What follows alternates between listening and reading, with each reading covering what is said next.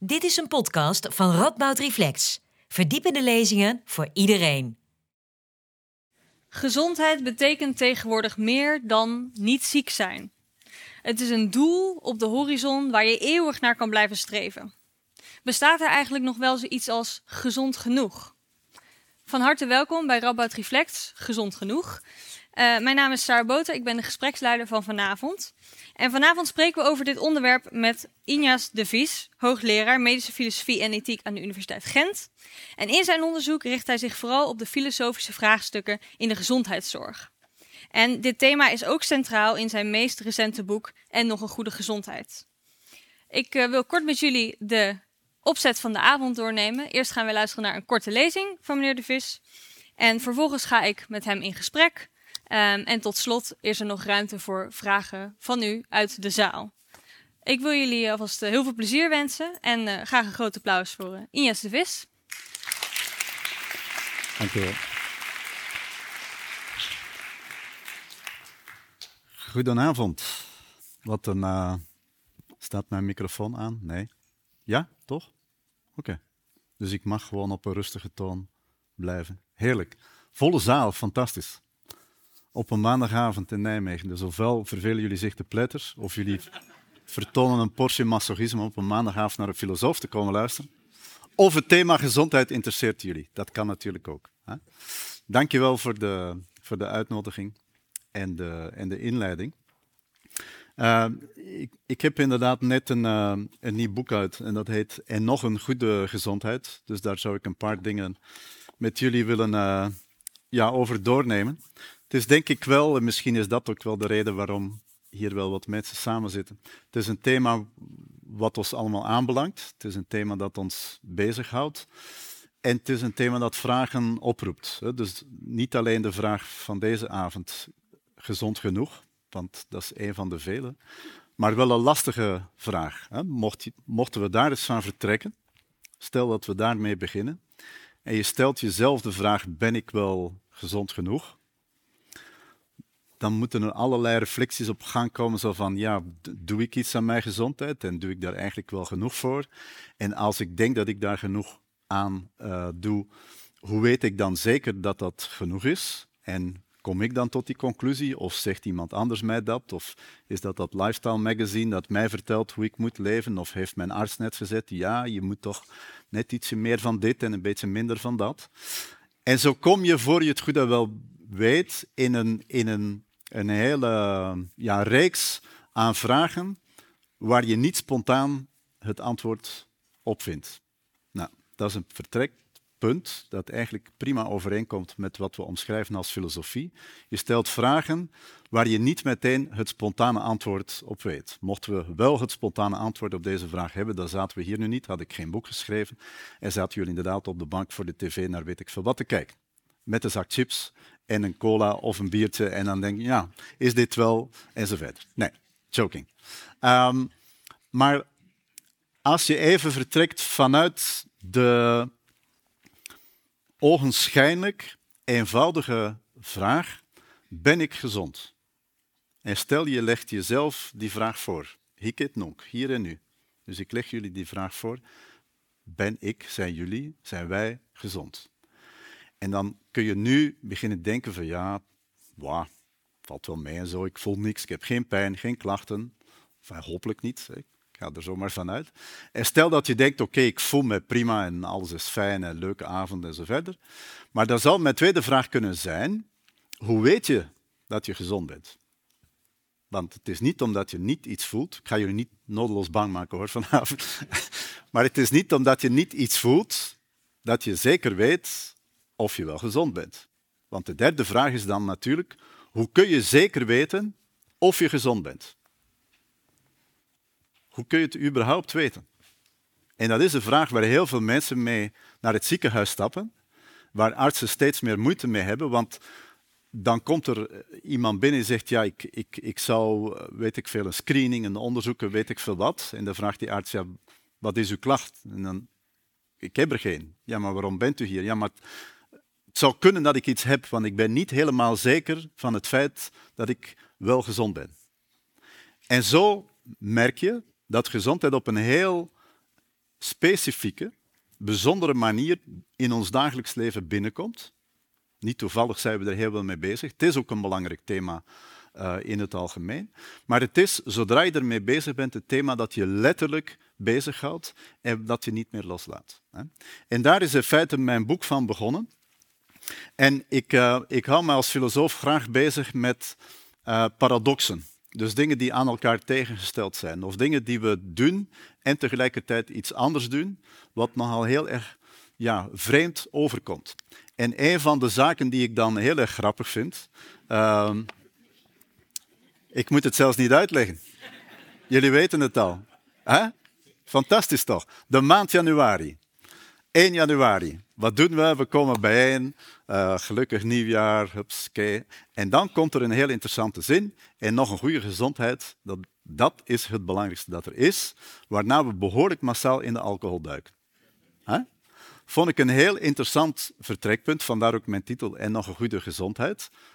Uh, waarbij je dan de vraag stelt van hoe combineren we dit in ons hoofd? Want we zeggen letterlijk en nog een goede gezondheid en dan drinken we ons uiteraard die anderen, hè? wij niet. Hè? Sommige mensen drinken dan behoorlijk veel gedurende de hele maand januari of de rest van het jaar. Maar dan heb je de maand februari waarin we massaal moeten schuld bekennen dat de maand januari te excessief is geweest. En dan gaan we weet ik veel, allerlei kuren en diëten en detoxbeurten volgen waar we veel te veel geld aan spenderen enzovoort. Dus het is niet de enige paradox waar we mee worstelen. Uh, en het is ook logisch omdat er geen gouden standaard bestaat. Het is niet iets, vandaar ook mijn titel natuurlijk gezond genoeg vraagteken. Het is niet iets, en dat is de hele moeilijkheid ervan, waarvan je op een maandagavond kan zeggen, het zou kunnen dat er nu iemand uit de zaal zegt, ja, maar ik toch wel. Maar meestal kunnen we niet zeggen, en nu, hè, nu ben ik er. Ik ben genoeg gezond. Want ik doe dit en ik doe dat, enzovoort, enzovoort.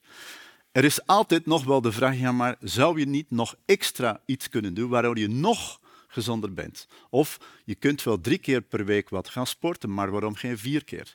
Of je kunt een beetje gezonder eten, of een beetje meer dit, een beetje meer dat. Dus je zit niet met een afgeleid gegeven waarvan je kan zeggen, dit is de startlijn en dit is de eindmeting. En oef, ik ben er.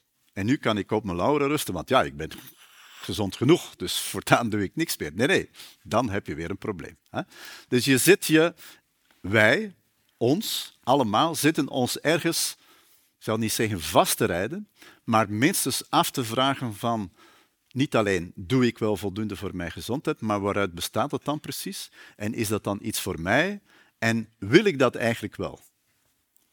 Want het zou kunnen dat, dat wij allerlei dingen doen in functie van onze gezondheid, maar dat we er eigenlijk niets aan hebben. Ik vind het altijd fantastisch om, om te merken. Ik ben zelf iemand die zeer graag sport doet, maar ik merk dat heel veel mensen sport doen tegen hun zin.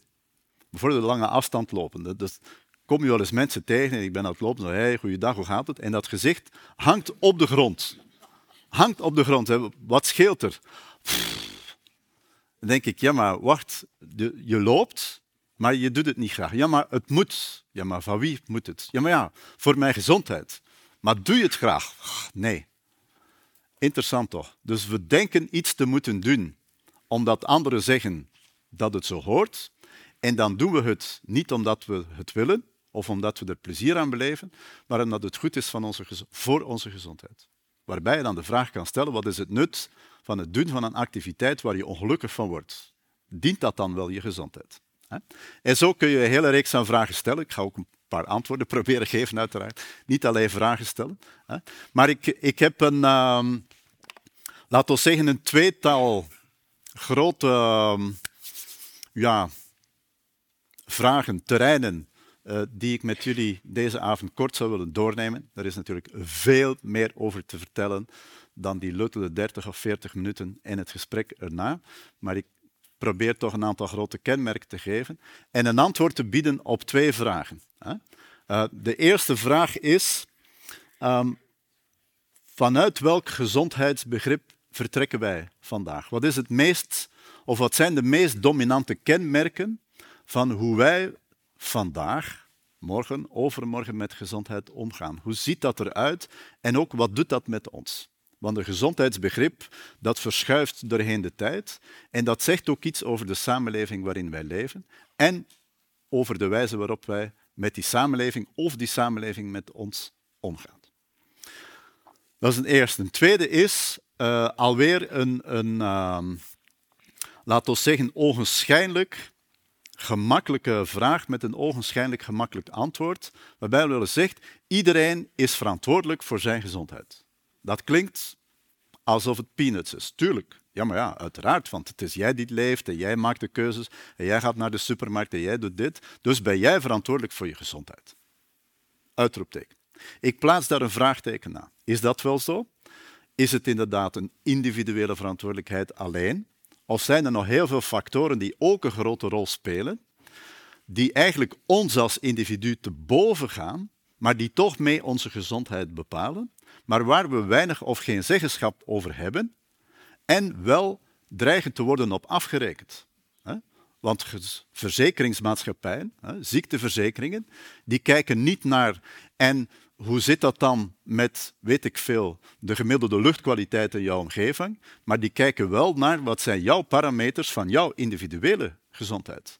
Dus dan heb je collectieve, maatschappelijke, sociale factoren die alleen individueel worden bekeken. En dat is dus maar zeer de vraag, kun je gezondheid louter bekijken als een individuele kwestie, waarvoor dat individu ook de volledige verantwoordelijkheid moet dragen, of moeten we daar op een andere manier mee omgaan?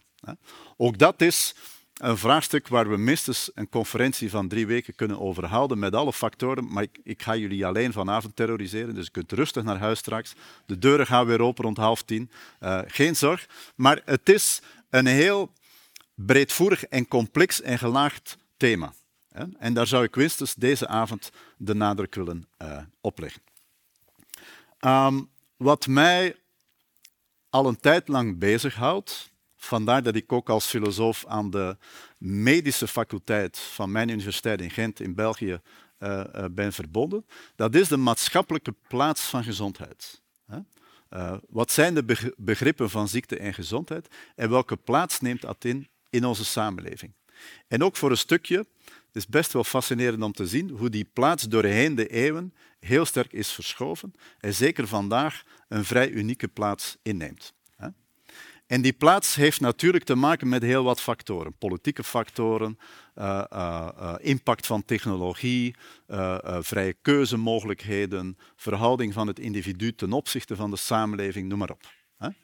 Um, een van de zaken die natuurlijk van belang zijn, is uiteraard vanuit welke, noem het definitie, vanuit welke omschrijving vertrekken wij om over gezondheid te spreken. Je kunt dat zeer eng invullen, je kunt dat heel breed invullen. En het interessante is, als je vertrekt vanuit een aantal, laten we zeggen, definities, kom je tot heel andere uh, invullingen, tot heel andere posities van dat begrip gezondheid. Als je kijkt naar de plaats van gezondheid vandaag, voor eerst zie je dat, en dat is eigenlijk de definitie van de hele moderne geneeskunde, ik omschrijf dat wel eens als een langgerekte opstand tegen de dood. Want dat is wat wij doen. Wij zijn opstandig tegen onze dood, we leggen ons daar niet bij neer.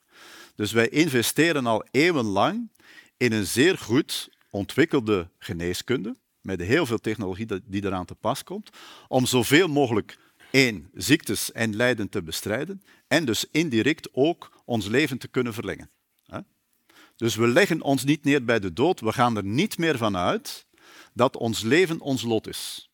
Want daar komen we uit vandaan. We komen uit een maatschappij waarbij je leven, dus ook je gezondheid of je ziekte, iets was wat je erbij nam. Het is je lot. Je kunt zeggen, ja, ik, ik vind mijn lot niet fijn, of je kijkt in de spiegel en je zegt, had beter gekund, maar ja, dit is het. Ik heb ermee te leven. Als wij vandaag in de spiegel kijken en zeggen het kan beter, dan gaan we naar de plastisch chirurg. Dan zitten we twintig ingrepen verder, dan is het hopelijk beter, maar dat hangt af van smaak en voorkeur. Maar we kunnen er wel iets aan doen.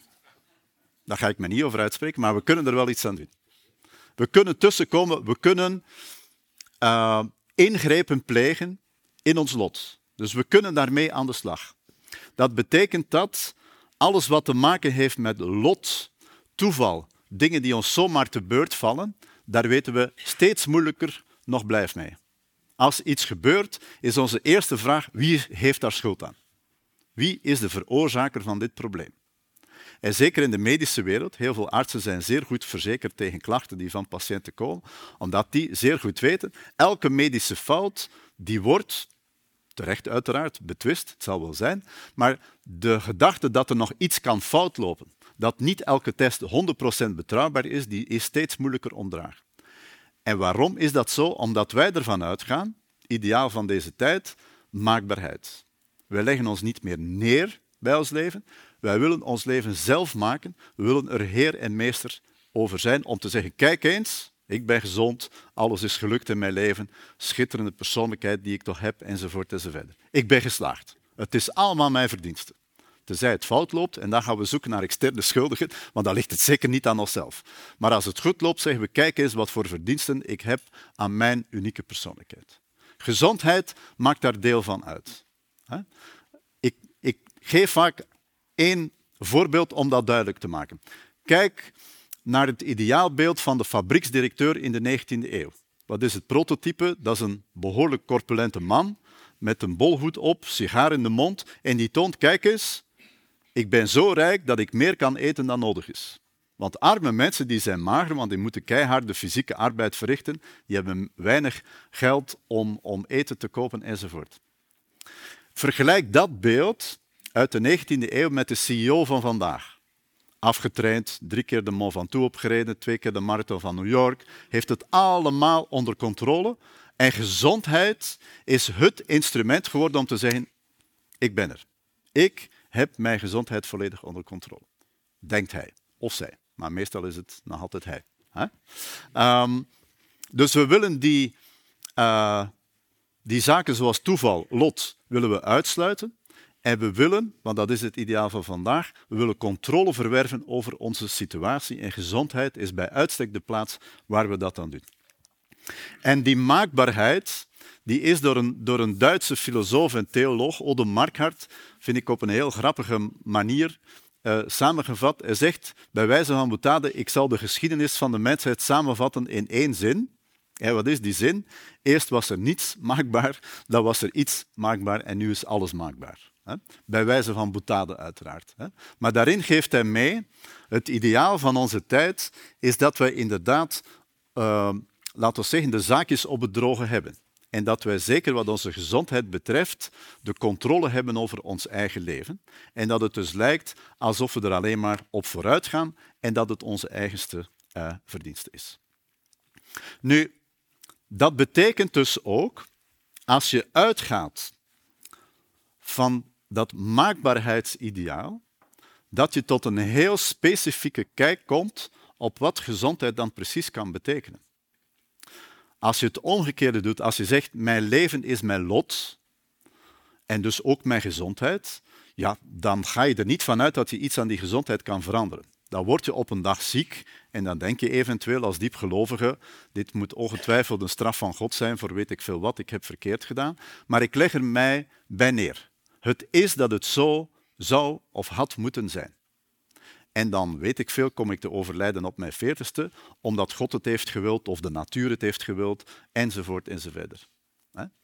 Het is niet de reflex van de hedendaagse West-Europese en bij uitbreiding uh, uh, uh, eigenlijk mens toekoer om ons neer te leggen bij het feit dat we ziek worden.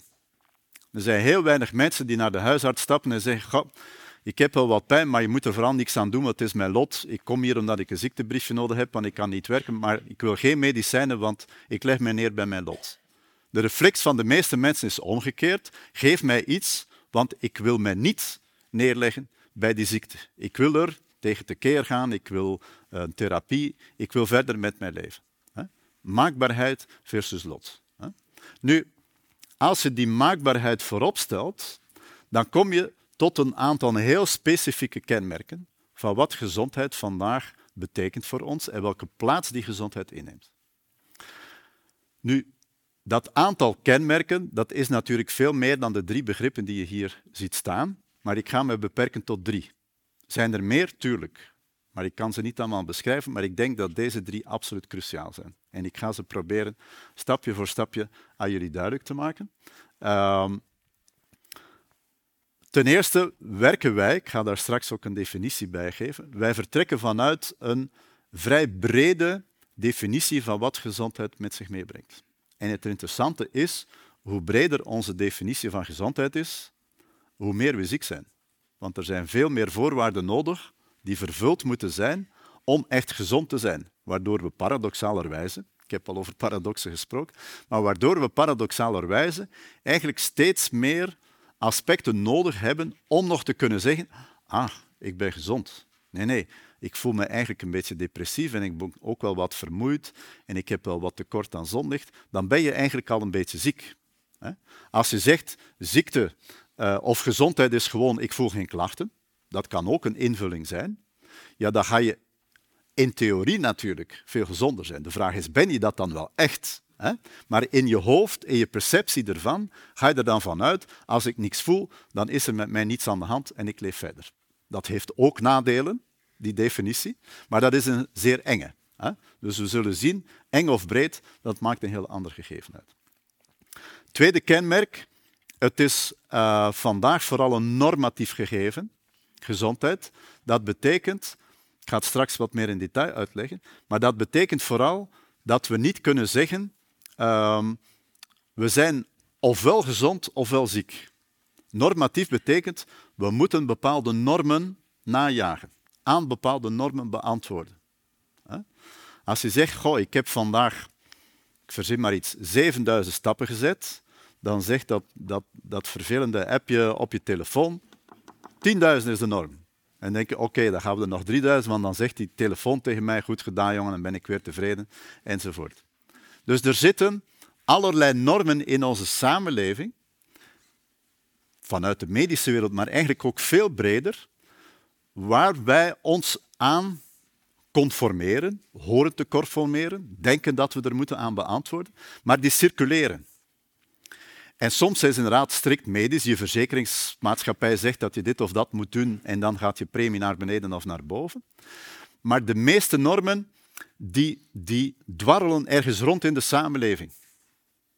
En dat maakt het ook heel moeilijk, want we zijn er eigenlijk strikt niet toe verplicht om ze na te leven, maar we voelen ons ergens schuldig als we er niets mee doen. En de moeilijkheid is, ja, maar wie heeft dan die normen uitgevonden? Ja, iedereen en niemand.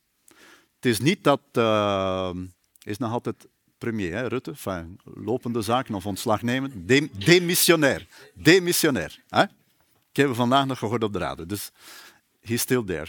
Uh, het is niet dat Rutte of straks weet ik veel wie in Nederland komt zeggen, jij daar, jij moet dit en dat doen voor je gezondheid. Nee, nee. Je bent er nooit rechtstreeks toe verplicht, maar je voelt wel, zoals die man of vrouw die loopt en die zegt, ik doe het eigenlijk niet graag, maar het hoort. Het hoort om mee te zijn met je tijd en dus ook een beetje aan je gezondheid te werken. Want dat, dan stijg je op de sociale ladder. Je, status, je sociale status en je gezondheid, we kunnen daarmee uitpakken zo. Oh ja, ik heb die maar. Oh ja, en ik fiets uh, zoveel kilometer in de week. Uh, um, en zo presenteren wij ons aan de samenleving. Hè? Als je op Tinder zit of weet ik veel welke dating-app, dan staat daar niet pafferige roker zoekt. Nee, hè? Daar scoor je niet mee. Hè? Je zet wel van uh, uh, fitte, sportieve, innemende, empathische enzovoort. Dat zijn de stijlkenmerken. Ik vind het altijd zeer interessant om te lezen. Niet dat ik op zoek ben, maar ik, de wijze waarop we ons aan elkaar voorstellen, dat zegt altijd iets over de idealen van onze tijd. En heel vaak staat gezondheid daarbij. Vind ik een heel interessante. Alsof je kerngezond moet zijn om een goede relatie te hebben met elkaar. Maar dat is niet het onderwerp van vanavond. Derde uh, grote kenmerk, vloeibaar. Dat is een beetje een raar begrip, maar ik haal dat van, van een uh, socioloog. Maar vloeibaar betekent dus, letterlijk, het staat niet vast. Neemt het vast en het glijdt weg en het schuift op. Je kunt niet zeggen, en nu is het genoeg, want voor je het weet moet je er nog iets bij doen. Ik ga dat straks ook wel wat meer uit de doeken doen. Ik geef hier nu al een paar mochten jullie zich na vanavond dan toch nog te pletter vervelen, een paar leestips. Altijd leuk om te zeggen, wie weet, vind ik dat wel interessant. Maar een van de zaken die, uh, toch behoorlijk lang geleden mijn ogen wel een beetje hebben geopend. Een van de boeken die ik best wel interessant vond om te lezen in dit verband. Alleen al de titel Better Than Well. Beter dan goed. Dus goed is niet genoeg, het moet beter zijn dan goed. En dat is een boek dat voor een stukje, het gaat vooral over mentale uh, gezondheidsproblemen, opkomst van depressie, ADHD, noem, maar op. Er zit een maatschappelijk ideaal Namelijk, je kunt altijd beter dan je hebt gedaan. Het is dus letterlijk nooit goed genoeg. Dat sluipt binnen, of dat is binnengeslopen, in onze manier van nadenken over gezondheid. Want ook daar kun je altijd nog beter dan je eigenlijk hebt gedaan. En zit je dus eigenlijk met een permanent schuldgevoel opgezadeld bij het idee van ik zit hier nu wel op de bank niks te doen met die zak chips, maar eigenlijk had ik ook kunnen nog een uurtje spinning doen en mezelf wat nuttiger hebben gemaakt en zo verder. Dus dat is het lastige eraan als iets altijd nog beter kan en je nooit nog een rustpunt hebt. Wanneer kun je dan tegen jezelf zeggen en nu is het oké?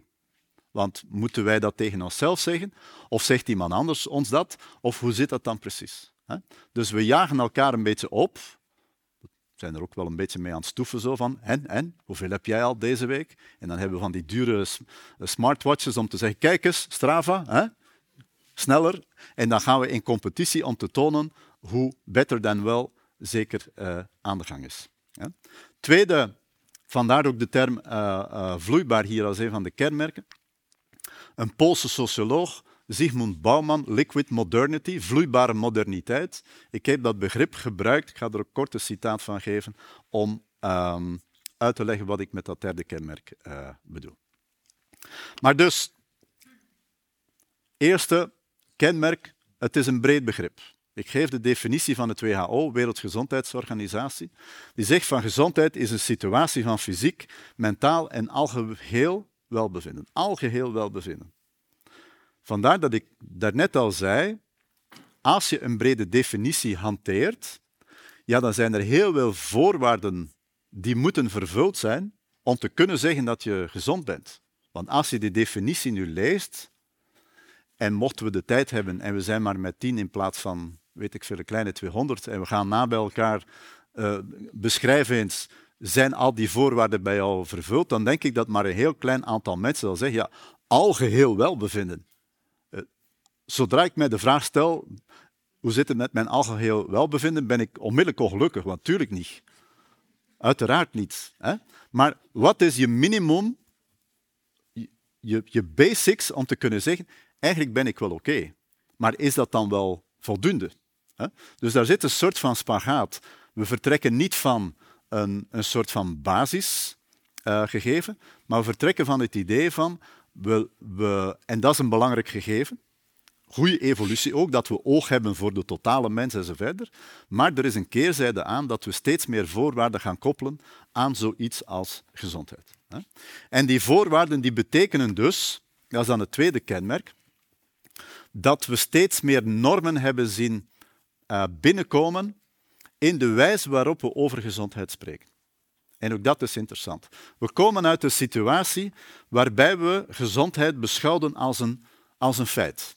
Dat wil zeggen, je was gezond of niet. Gezond of ziek. Hè? Binair, term van vandaag. Het is het een of het is het ander. Je stelt het vast. En als het er is, dan zeg ik ben gezond. En als het er niet is, zeg ik ben ziek. En dan verhelpen we jouw klacht tot je weer als gezond kan worden omschreven. Maar dan is het zo. Dus dat hangt eerder vast bij dat idee van mijn leven is wat het is. En ofwel ben ik gezond ofwel ziek, maar bon, that's it. Niet zo complex.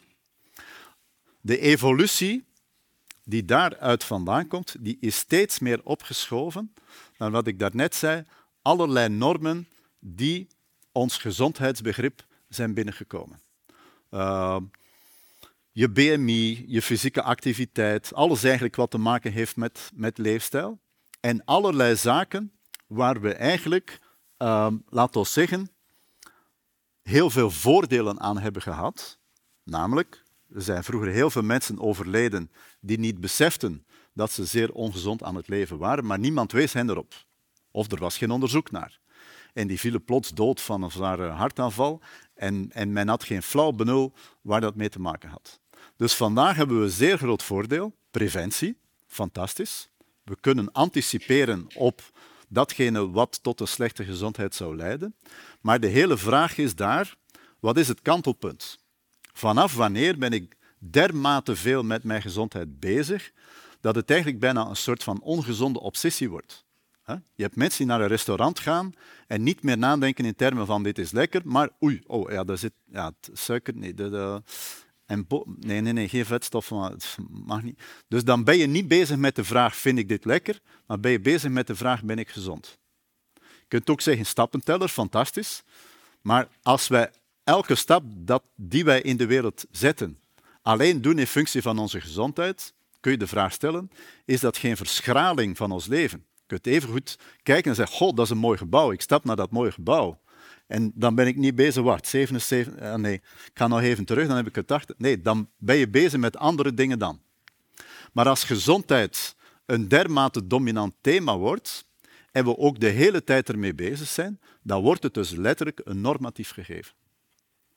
En de moeilijkheid van normen, dat is het grote verschil met een feit. Een feit ligt vast. Je hebt het of je hebt het niet, je bent het of je bent het niet. Een norm die schuift op terwijl we ernaar streven. Stel dat we zeggen met z'n allen, uh, het, we, moeten een gemiddeld BMI van, ik zeg maar iets hoor, niet ongelukkig worden als je het niet hebt vooral, ik verzin maar iets, 22. En degenen die niet aan het gemiddelde beantwoorden, die moeten er alles aan doen om bij dat gemiddelde aan te komen. Meer sporten, minder eten, alleen naar restaurant gaan en kijken wat er allemaal... Hè, zo verder. Wat is het lastige aan het feit, stel dat we dat zouden doen, dat is terwijl we bezig zijn met het streven naar het gemiddelde, schuift het gemiddelde natuurlijk op, omdat wij er met z'n allen naar aan het streven zijn. Bij gevolg, we komen weer niet aan bij dat gemiddelde en we moeten weer harder werken, enzovoort enzovoort. Dus dat is normativiteit. Er zit iets dat niet langer, laat ons zeggen, uh, vast ligt, maar dat ons voortdurend vooruitstuurt. Met de voor- en de nadelen die eraan uh, verbonden zijn. Want het maakt dus, en dat is het grote uh, onderscheid met vroeger, en dat is denk ik mijn volgende slide, voilà, dat is, ik kan niet korter samenvatten waar die verschuiving eigenlijk op neerkomt. Namelijk, we komen uit een definitie van gezondheid waarbij men zegt, ik ben uh, gezond bij de afwezigheid van ziekte. Dus als ik geen klachten heb, dan ga ik ervan uit dat ik gezond ben. Dan stel je gezondheid primordiaal en ziekte als een nevenfenomeen. En als het tweede er niet is, dan ga ik ervan uit, ik ben het eerste. Wat zie je vandaag? Eigenlijk vaak bijna het omgekeerde, namelijk dat het dan onszelf is om te bewijzen dat we wel voldoende voor onze gezondheid hebben gedaan.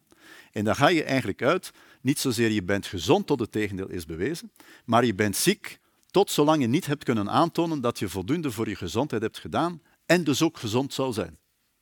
Want dat zijn eigenlijk nog twee verschillende zaken.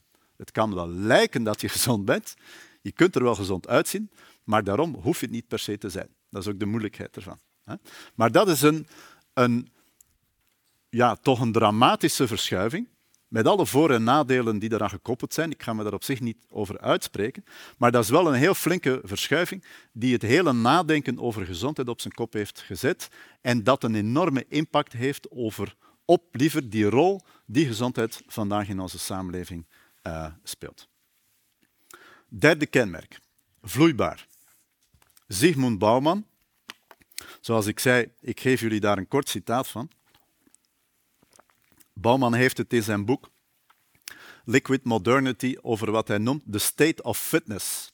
Ik ga even het citaat voorlezen, want jullie zijn daar nu geprojecteerd, zit toch al mee bezig. Hè? Uh, the state of fitness is anything but solid, zo schrijft hij. It cannot by its nature be pinned down and circumscribed with any precision. En dan komt eigenlijk het punt dat ik met hem hier wil maken. If health is a no more and no less type of condition, fitness stays permanently open on the side of more. Dus fit zijn betekent dat er altijd nog iets meer kan worden gedaan dan je al hebt gedaan. Dat is wat hij noemt liquid, vloeibaarheid. Het ligt niet vast. Je kunt altijd, terwijl je iets aan het doen bent of hebt gedaan, denken over het feit wat je nog meer zou hebben kunnen doen. En daar kun je dan allerlei beschouwingen aan koppelen. Dat kan zijn, dat heeft een impact op je persoonlijke leven. Hoe ga ik daar dan mee om? Voel ik mij dan de hele tijd schuldig? Of denk ik, hey, gezondheid, uh, fuck you. Hè? Ik doe dat allemaal zelf, ik trek mij niks aan en geef nog een zak chips en, en vier Westmalle trippels in plaats van twee. Wat, iedereen gaat er op zijn of haar manier mee om.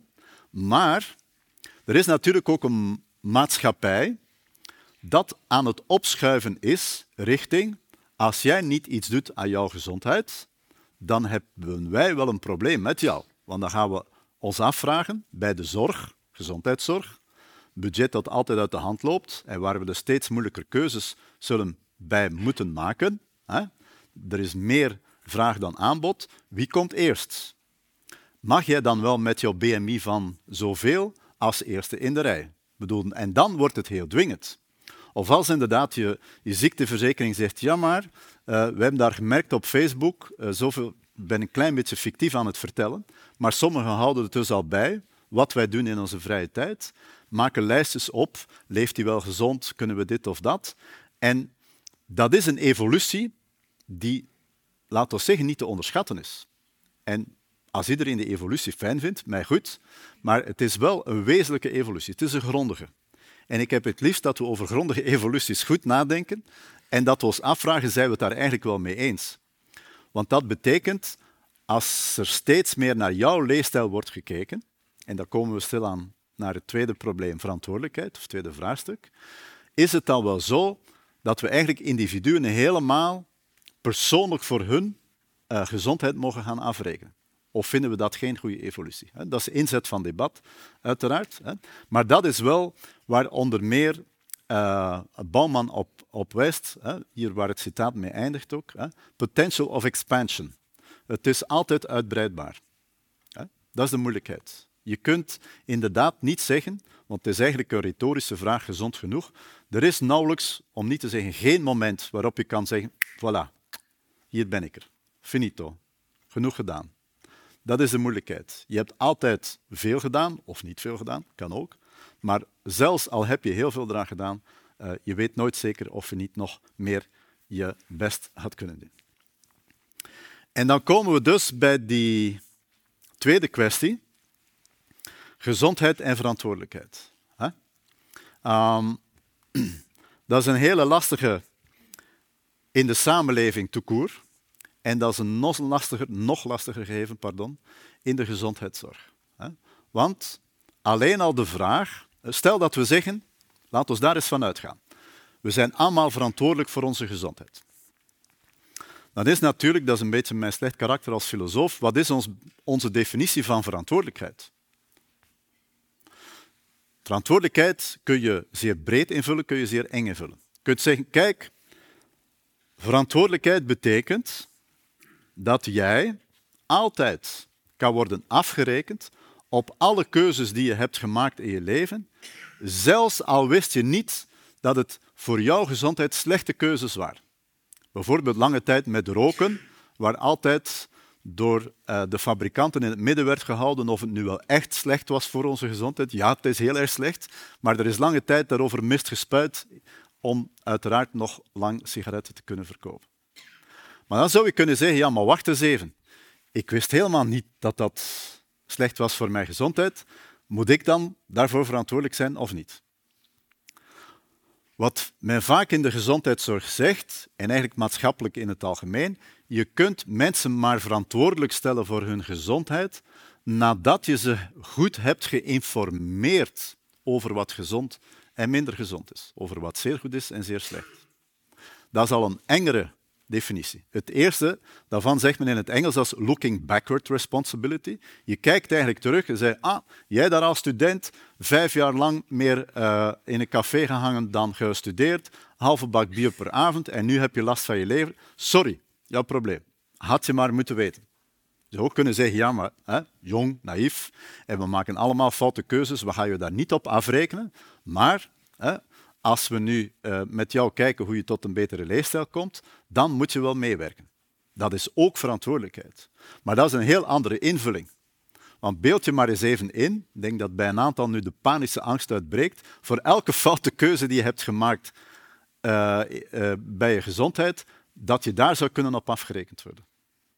Tot nu toe, tot nu toe met een paar uitzonderingen, maakt ons gezondheidssysteem bijna in elk Europees land, in de Verenigde Staten iets minder, maar bijna in elk Europees land worden er geen voorwaarden gesteld aan gezondheidszorg.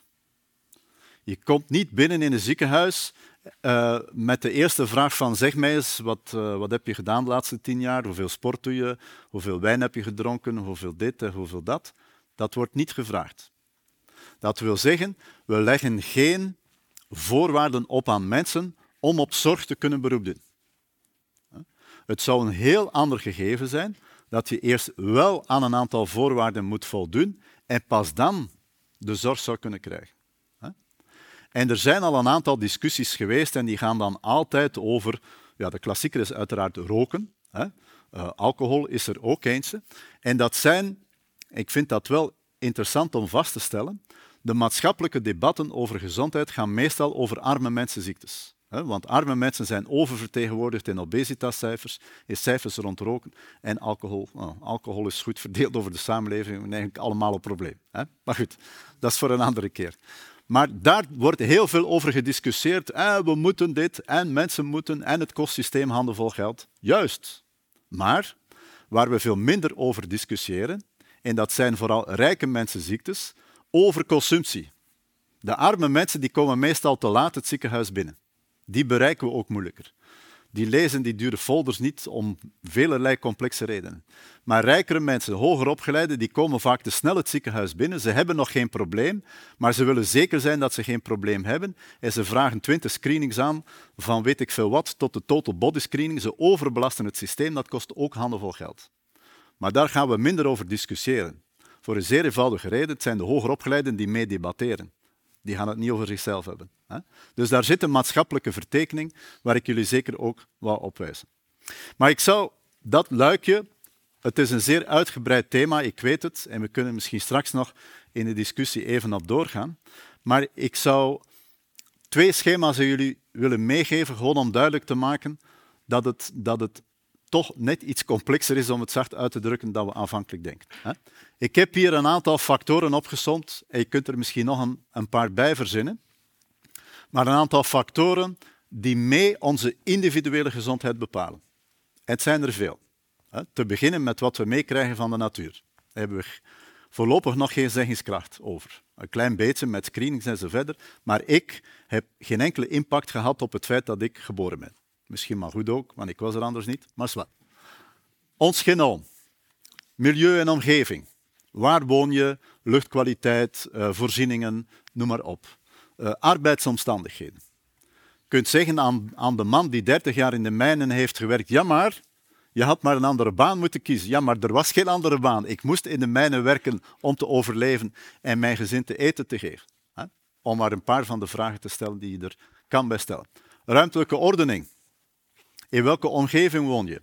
Heb je mogelijkheden om, uh, weet ik veel, leuke parkjes, even te gaan joggen, dat soort van dingen meer. Of woon je in een flatgebouw, 30 hoog, en, en, en heb je nauwelijks manieren om je fysiek te ontspannen.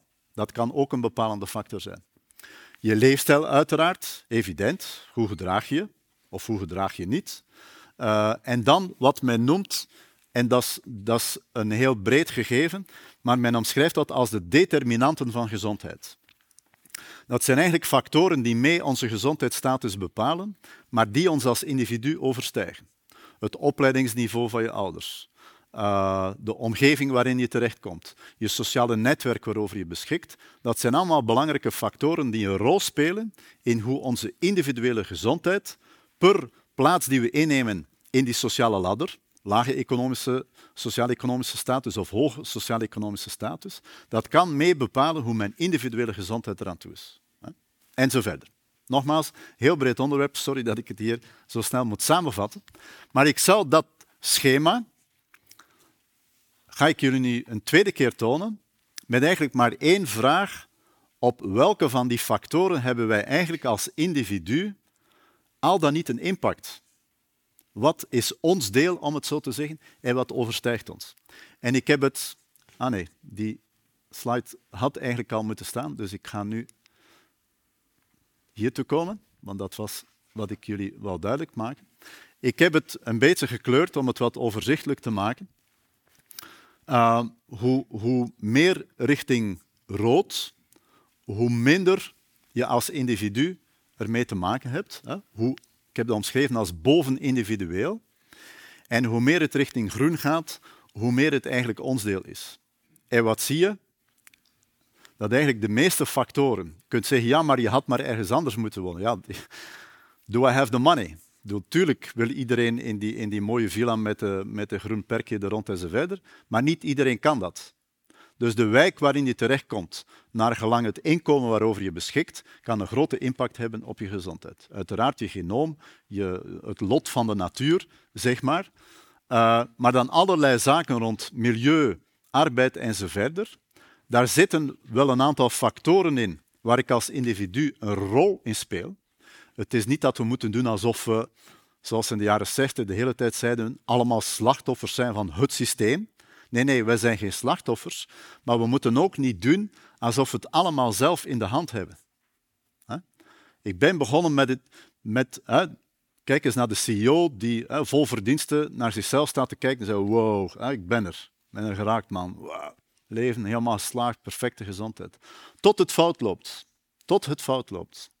En dan gaan we wijzen naar, ja, maar wiens verantwoordelijkheid is het dat mijn gezondheid er nu slechter aan toe is. Dan kan ik zeggen, ja, maar mijn ouders die hadden maar beter moeten screenen, want ik heb die erfelijke ziekte. Of uh, ze hadden maar meer inkomen. Of die dokter heeft die screening niet perfect gedaan. En al die factoren mee samen, hè, die moeten we, denk ik, als we discussiëren over gezondheid, ook mee in rekening brengen. Dus het zou wat mij betreft een verenging zijn van het maatschappelijk debat, mochten we alleen dat debat gaan voeren op individueel niveau. Als we individueel allemaal worstelen met onze gezondheid, dan zou je ook kunnen zeggen we hebben een maatschappelijke worsteling. Want als al die individuen dezelfde worsteling doormaken, dan lijkt dat heel sterk op zoiets als een collectief probleem, of minstens een collectief vraagstuk. En dan denk ik dat het van belang is ook om je die maatschappelijke vragen te stellen en te kijken uh, die slides zijn hier op de een of andere manier al door elkaar gehaspeld. Uh, maar goed, uh, dit is de laatste slide waar ik jullie nog wel op wijs.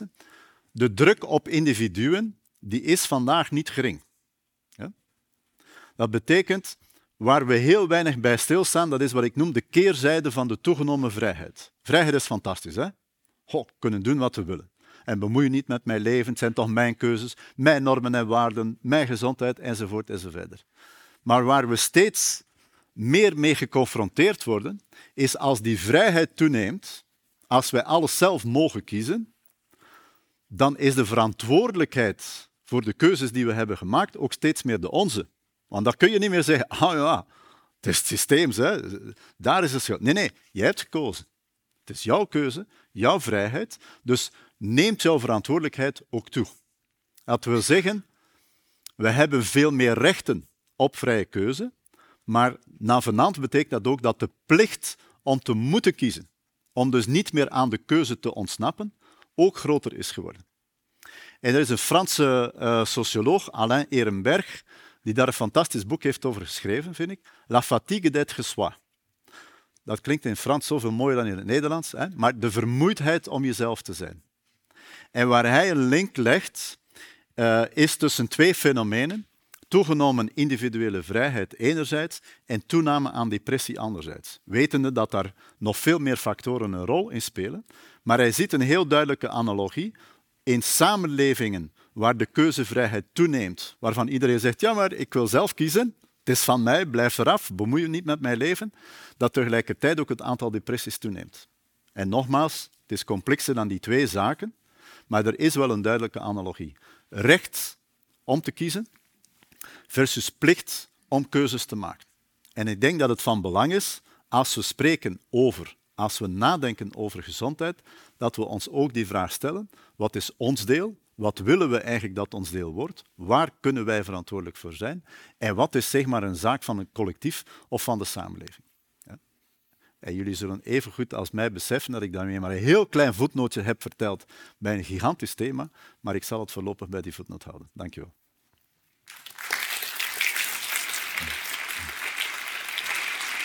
Ik eh, wil je graag uitnodigen.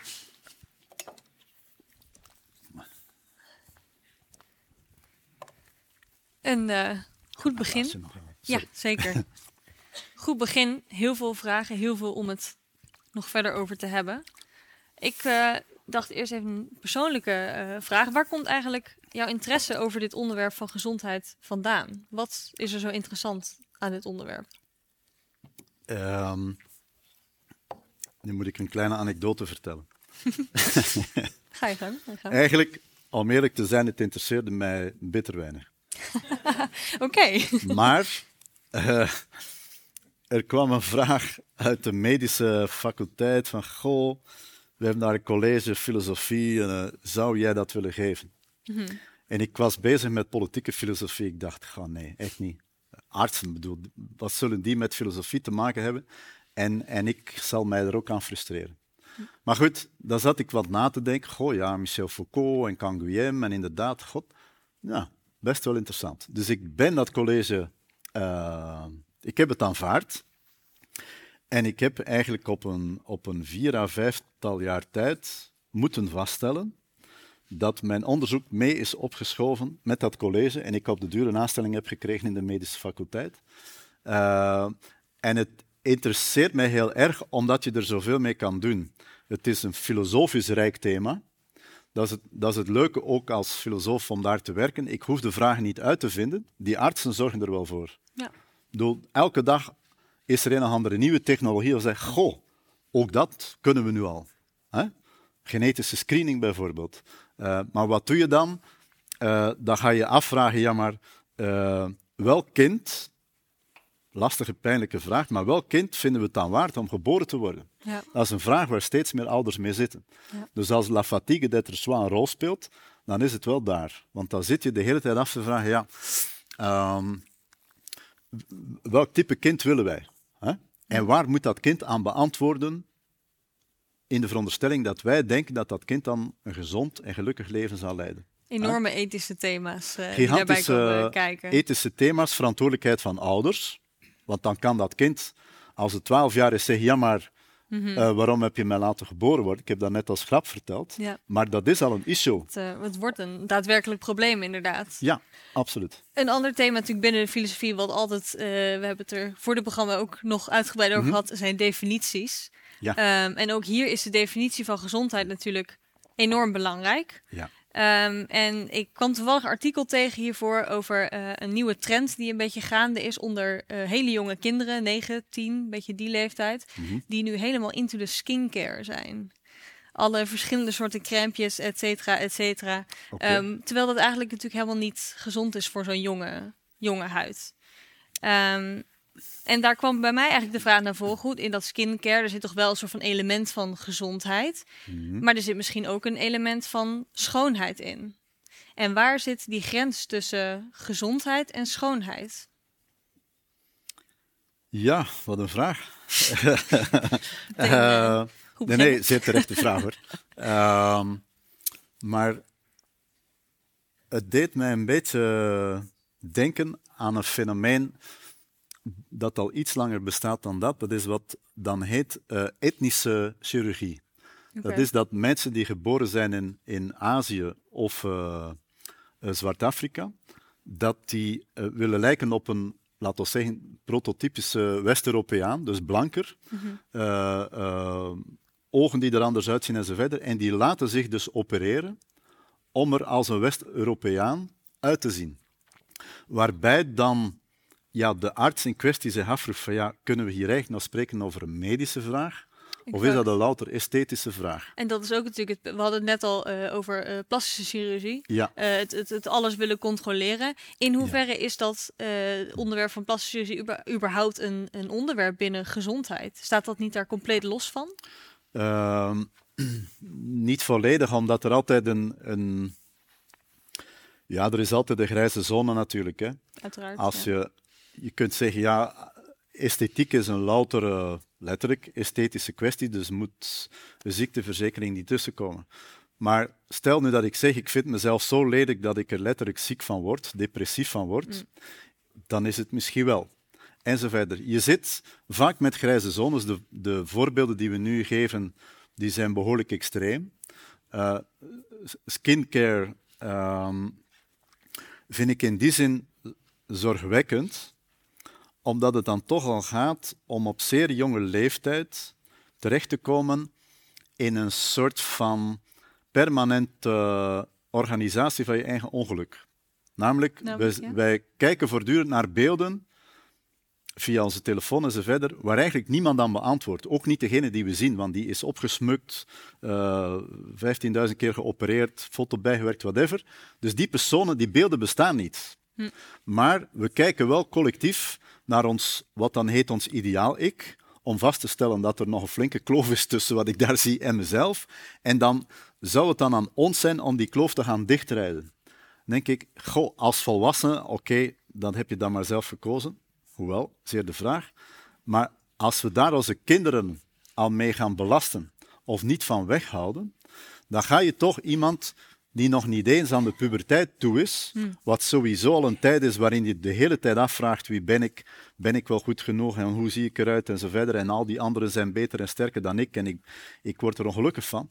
Als je zelfs nog veel vroeger toelaat dat je kind meestapt in iets waarvan ik denk, hoe kun je dat dan beter uitkomen?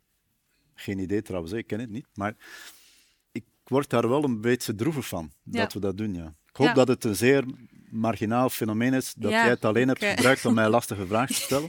Maar, nou ja, uh, was, het is naar aanleiding van een artikel, dus het zal wel op een bepaalde manier leven. maar goed, ja, het hetzelfde zou je natuurlijk kunnen zeggen voor bepaalde mensen in de sportschool, die het ook alleen voor de, voor de esthetische uh, ja.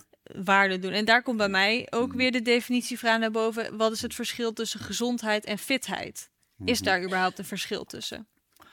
Uh, zeker. Um, in die zin dat we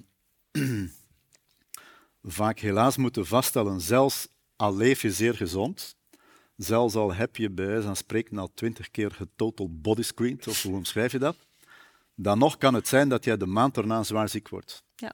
Dus we weten natuurlijk wel wat heel slecht is voor onze gezondheid. Dat mhm. weten we.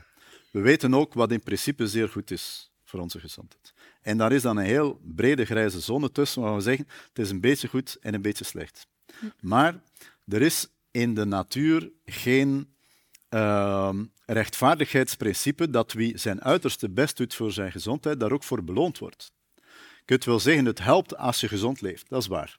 Maar helaas is het zo dat degenen die goed leven toch zwaar ziek kunnen worden, doordat er iets in hun lijf genetisch aanwezig is of een ongeval of wat dan ook.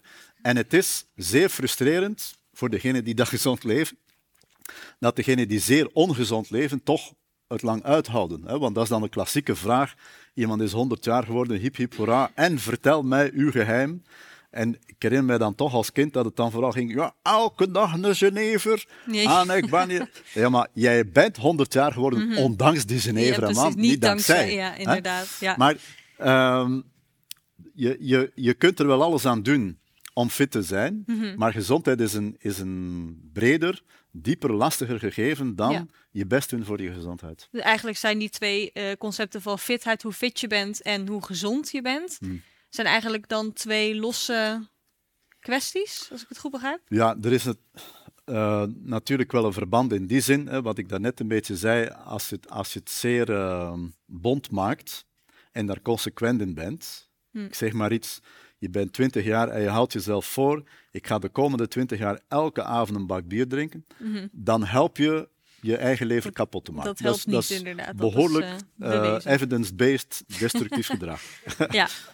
Je kunt er dan nog half goed uitkomen, maar uh, het zal zwaar worden.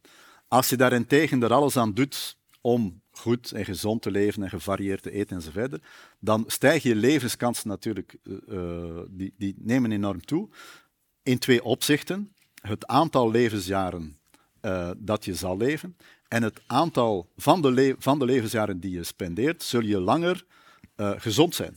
Want dat is natuurlijk de hele kwestie. Dat is ook, laten we zeggen, waar de meeste mensen die dan wat ouder worden angst voor hebben, niet zozeer voor het oud worden op zich, ja. maar voor het, het gesukkel zeg maar, dat ermee gepaard gaat. Ja. En in principe, als je gezond hebt geleefd, helpt dat jou daar is meer dan voldoende uh, evidence voor uh, aanwezig, helpt het jou om van de tijd dat je leeft veel langer gezond en fit te blijven. Mm -hmm. Maar je hebt altijd, enfin, meestal toch, je ziet dat ook in de gezondheidszorg, kosten. Wanneer zijn de zwaarste kosten? Dat is je laatste levensjaar.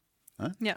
Maar als je kijkt bijvoorbeeld naar verschillen in sociaal-economische uh, status, dan zie je dat mensen met een lagere sociaal-economische status sneller ziek worden en dus sneller ook komen te overlijden. En van de periode dat ze hebben geleefd, meer jaren ziek zijn geweest.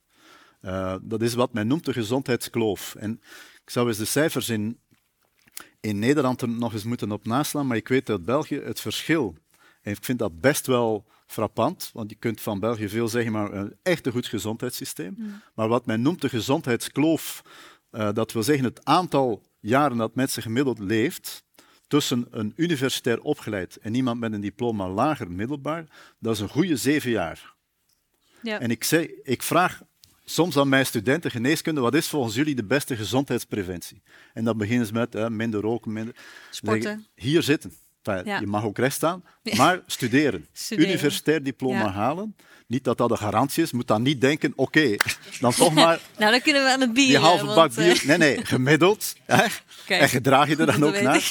Maar daar zit, ik vind dat zeer frappant voor toch Ja. sterk ontwikkelde, West-Europese landen, dat we er zelfs niet in slagen om die kloof dicht te rijden. Dat is eigenlijk hetzelfde als wij het net over hadden met de arme mensenziekte en Ja, ja. de rijke mensen Ja. eh, ziekte. ja dat had mij nou aan het hart. Heeft ook te maken met het feit dat ik, ik ga nu niet klagen of, of beginnen huilen en zo, maar ik kom wel uit een gezin waar de eindjes heel erg aan elkaar Hm. moesten worden geknoopt. Dus ik, ik heb er wel een persoonlijke gevoeligheid eh, voor. Wat mij persoonlijk heel erg tegen de borst stoot, is dan, ik herinner mij een interview in een krant waar zo twee hogeropgeleiden, elk met een racefiets van minstens 10.000 euro, naast hen stonden te zeggen hoe al die obesitas-patiënten tot Heinekens moesten. Dan denk ik, ja, jij hebt het makkelijk. Eh, eh, professor 1, eh, arts 2.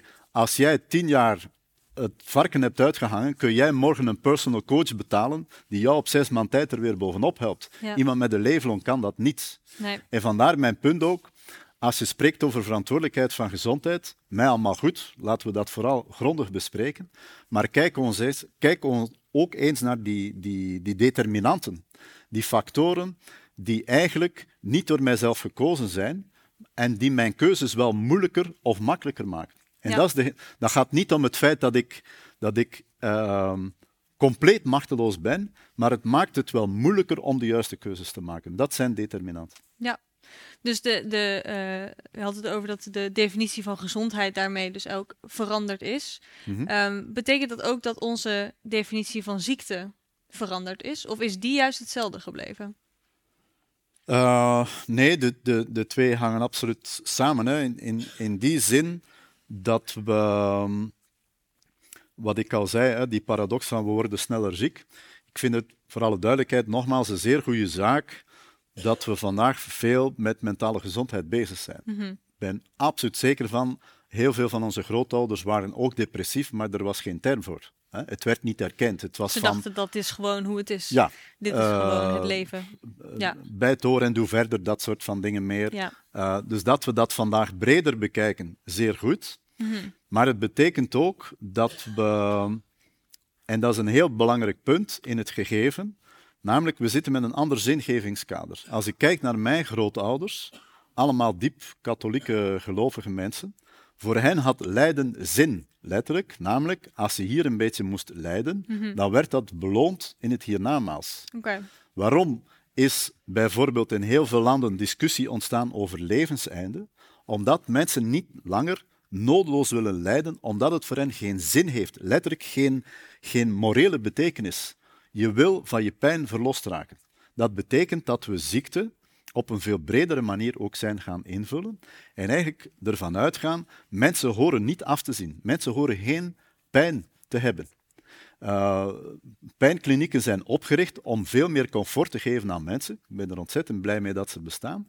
En dan nog zie je zelfs, toch al behoorlijk een eind in de 21ste eeuw, dat we daar nog stappen kunnen vooruitzetten, dat er toch nog te veel wordt gezegd, bijt een beetje door, klaag niet Mm. zo. Dat zijn die oude, ja, noem dat katholieke motieven zo. Hè?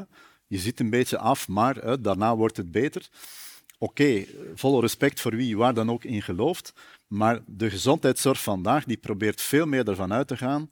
Eigenlijk horen mensen niet meer nodeloos te lijden. Is dat een En dus ook niet positieve, nodeloos ziek te zien. Een positieve ontwikkeling eh, in jouw ogen? Of, eh, Ja, ik denk het wel, ja. Ehm, ik, zou, ik zou absoluut niet terug willen naar, naar een, een systeem waarbij een arts mij komt zeggen van ja, pff, er is wel pijnbestrijding, maar bijt toch maar even door. Ik ben zeer blij dat het bestaat. ja, zeker. Eh, ik zou dan ook geen geld geven, denk ik, aan die arts, maar bon.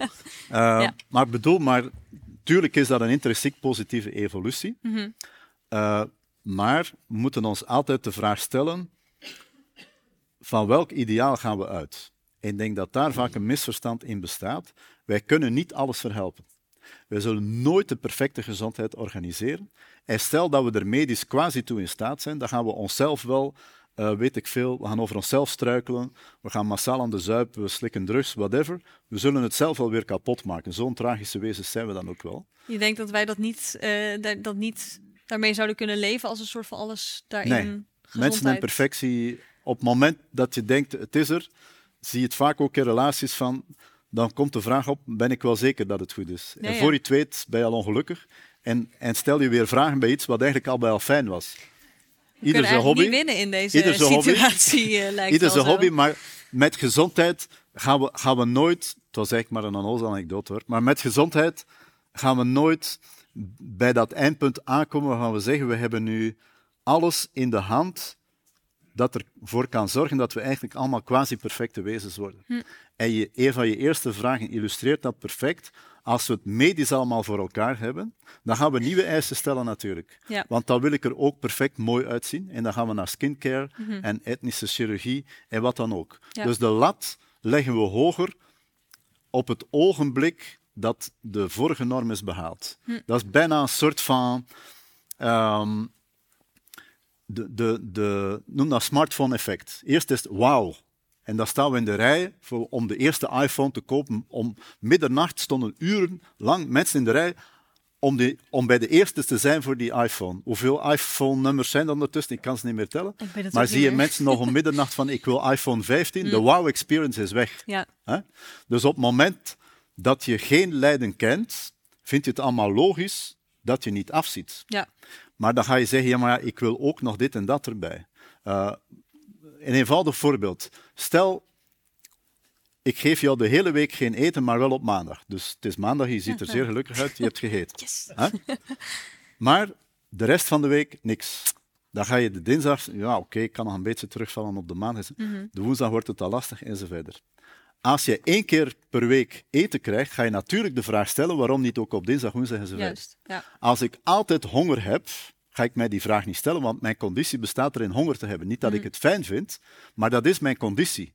Maar als ik zie dat er verbetering mogelijk is, of jij krijgt eten en ik niet, dan ga ik mij de vraag stellen, ja, maar dat is niet rechtvaardig. Want zij daar heeft eten en ik niet. natuurlijk. Ja. Dus hoe meer je, ehm laat ons zeggen, stappen hebt gezet om je levenslot te verbeteren, hoe meer die als vanzelfsprekend worden ervaren door degene die erin zit. En dat je het bijna niet meer kan voorstellen wat het betekent om ze niet vervuld te zien. Ja. En wij denken dan dat dat allemaal zo vanzelfsprekend is dat het er altijd is.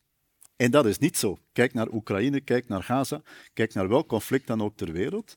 Wij mogen van geluk spreken dat de voornaamste zorg die velen hebben is: wat ga ik eten? Niet ga ik eten vinden, wat ga ik eten? En dan de tweede vraag: ben ik wel gezond genoeg? Vandaar mijn punt. Je moet iemand met een leefloon niet gaan terroriseren. Heb je wel gezond gegeten? Die is blij dat hij met het, het luttele geld waarover hij beschikt eten heeft kunnen kopen. En dat is meestal ongezonde voeding, rommelvoeding, omdat die het goedkoopst is. Dus daar vind ik moeten we ook de, de maatschappelijke en politieke vragen op een eerlijke manier gaan stellen aan elkaar. Dat inderdaad die normen eh, van gezondheid, spelen die ook in eh, alle groepen hetzelfde? Of is de, de gezondheid als norm een soort van verveelde rijke mensen hobby? ehm, omdat ze toch niks anders doen, omdat het het volgende is om naar te streven. Zij, geldt dit ook voor mensen die misschien daadwerkelijk eh ander soort problemen aan... eh, Ehm, ik vermoed, denk, ik schat in dat we er al allemaal op de een of andere manier mee worstelen. Hm. Zij het op een andere manier. Ehm, naar gelang het milieu waarin je begeeft, naar gelang de mogelijkheden waarover je beschikt enzovoort. Het is een beetje zoals, zoals wijn. Als je nooit wijn hebt geproefd en je denkt, dat flesje van drie, goh, dat is wel lekker. En dan heb je er eentje van dertig geproefd en denk goh, wat was dat slechte wijn de eerste keer daar. Maar dan heb je de luxe om te zeggen, ik kan een wijn van 30 euro betalen. Mhm.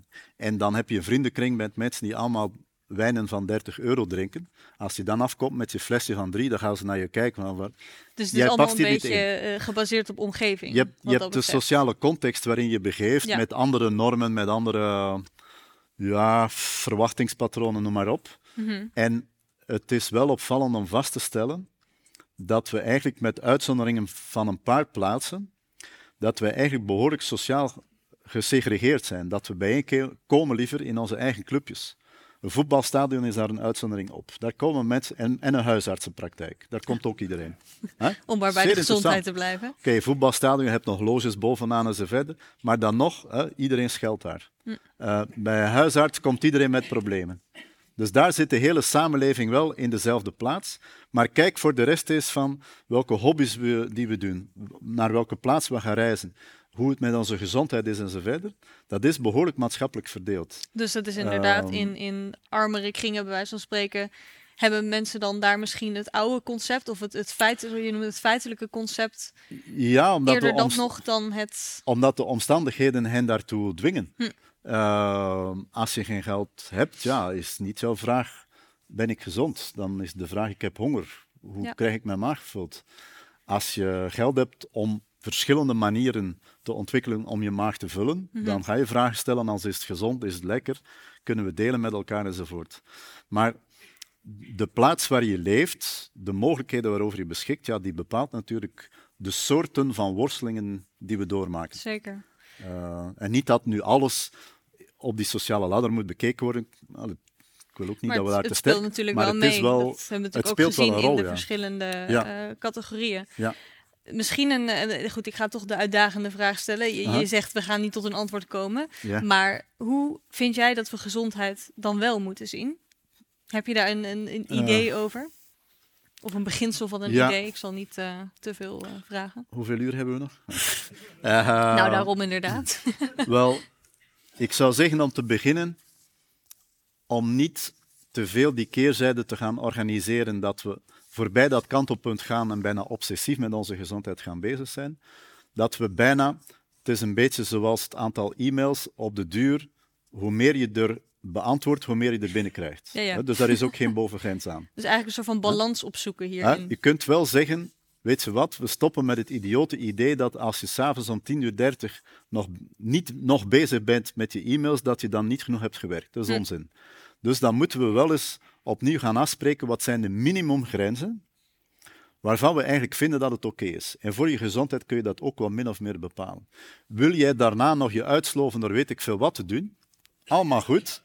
Maar dat doen, betekent maar- niet dat andere mensen zich moeten schuldig voelen Ja. omdat ze het niet hebben gedaan. Dus ik denk dat dat een belangrijk gegeven is. Wat, wat Bouwman zegt, the state of fitness is always open on the side of more. Laten we ons eens die vraag stellen. Is dat eigenlijk wel wat we willen? Dat is het eerste. En dan het tweede. Een gezondheidssysteem en eigenlijk bij uitbreiding een samenleving. Want wij hebben een taak, maar die samenleving heeft er ook in. En wat is de kerntaak van een samenleving? Wat mij betreft op vlak van gezondheid, dan moet ze de gezonde keuzes makkelijker maken dan de ongezonde. Zeker. Ja. Vandaag is het omgekeerd het geval. Het is poepsimpel om ongezond te leven. Het is verdraaid inspannend om gezonde Mhm. Ook keuzes weer een te soort maken. van paradox waar we het eerder al over Ja. hadden. Dus daar proberen die kanteling teweeg te brengen. Als je in een winkel stapt, en een supermarkt, en wat ligt er aan de kassa? Mhm. Heb jij daar al salvoikool of zo gezien? Ik niet, hè? dat ligt vol met rommel. Omdat die weten, dat kind eh, wordt nerveus, eh, er verdwijnt van alles in die kar. Daar worden we niet beter. van. Je kunt gezonde alternatieven voorzien, die ons geen dingen gaan opleggen, moet geen communisme organiseren.